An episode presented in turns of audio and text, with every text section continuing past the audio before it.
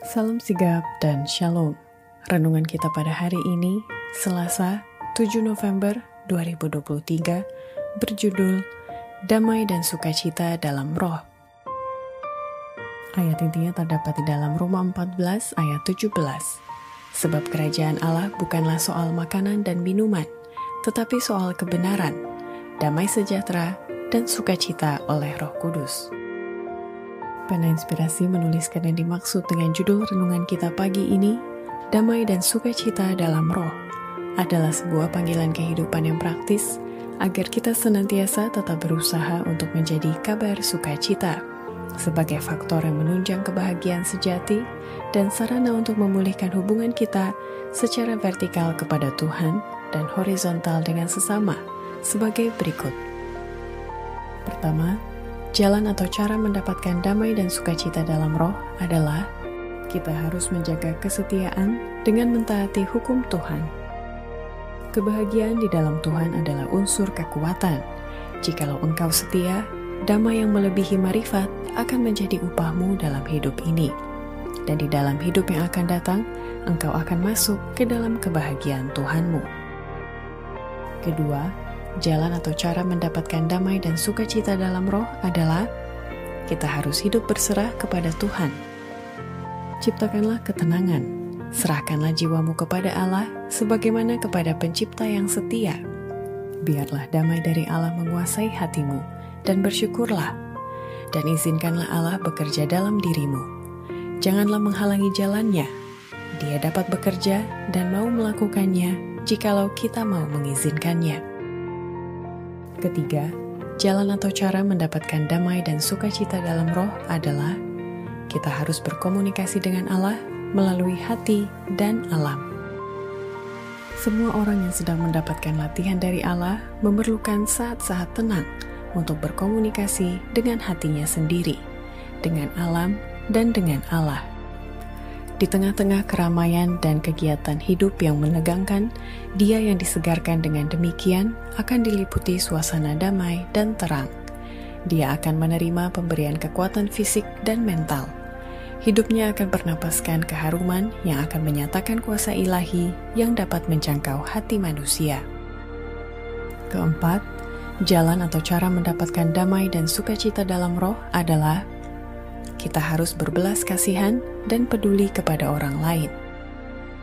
Pada saat engkau memalingkan muka dari orang-orang itu, mungkin mereka sangat membutuhkan rasa belas kasihan daripadamu. Dalam setiap pertemuan kebaktian, ada saja jiwa yang rindu akan perhentian dan kedamaian. Mungkin mereka kelihatan hidup tak peduli, tetapi mereka bukan tidak peka terhadap pengaruh Roh Kudus. Banyak dari antara mereka dimenangkan kepada Kristus.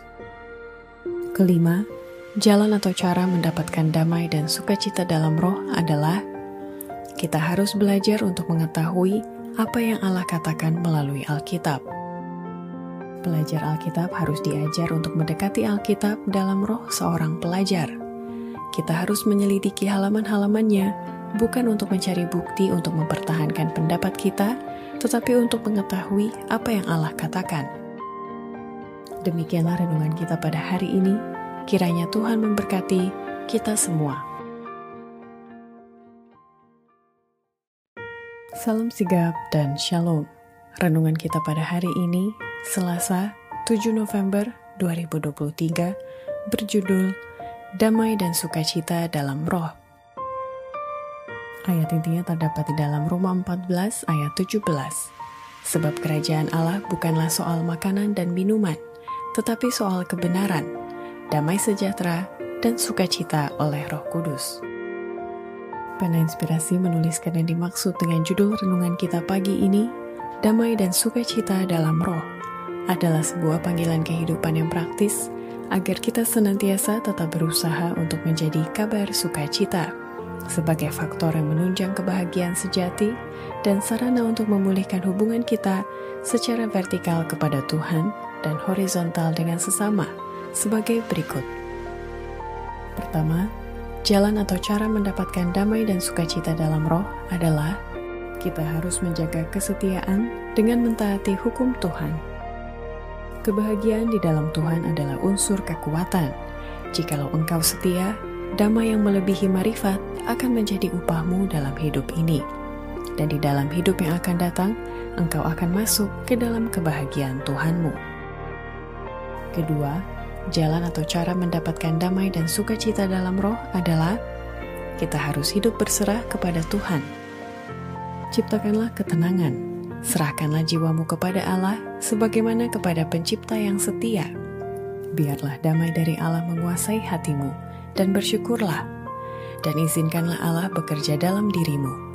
Janganlah menghalangi jalannya. Dia dapat bekerja dan mau melakukannya jikalau kita mau mengizinkannya. Ketiga, jalan atau cara mendapatkan damai dan sukacita dalam roh adalah kita harus berkomunikasi dengan Allah melalui hati dan alam.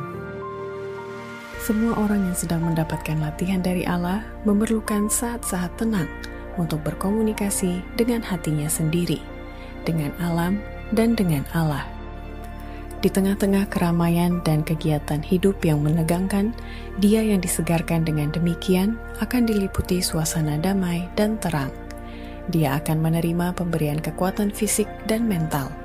Hidupnya akan bernapaskan keharuman yang akan menyatakan kuasa ilahi yang dapat menjangkau hati manusia.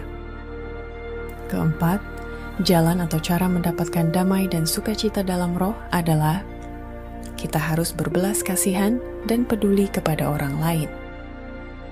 Pada saat engkau memalingkan muka dari orang-orang itu, mungkin mereka sangat membutuhkan rasa belas kasihan daripadamu. Dalam setiap pertemuan kebaktian, ada saja jiwa yang rindu akan perhentian dan kedamaian.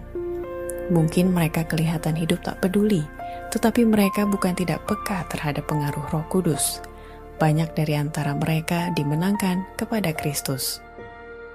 Kelima, jalan atau cara mendapatkan damai dan sukacita dalam roh adalah kita harus belajar untuk mengetahui apa yang Allah katakan melalui Alkitab.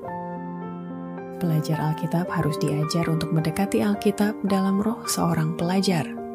Kita harus menyelidiki halaman-halamannya, bukan untuk mencari bukti untuk mempertahankan pendapat kita, tetapi untuk mengetahui apa yang Allah katakan. Demikianlah renungan kita pada hari ini. Kiranya Tuhan memberkati kita semua.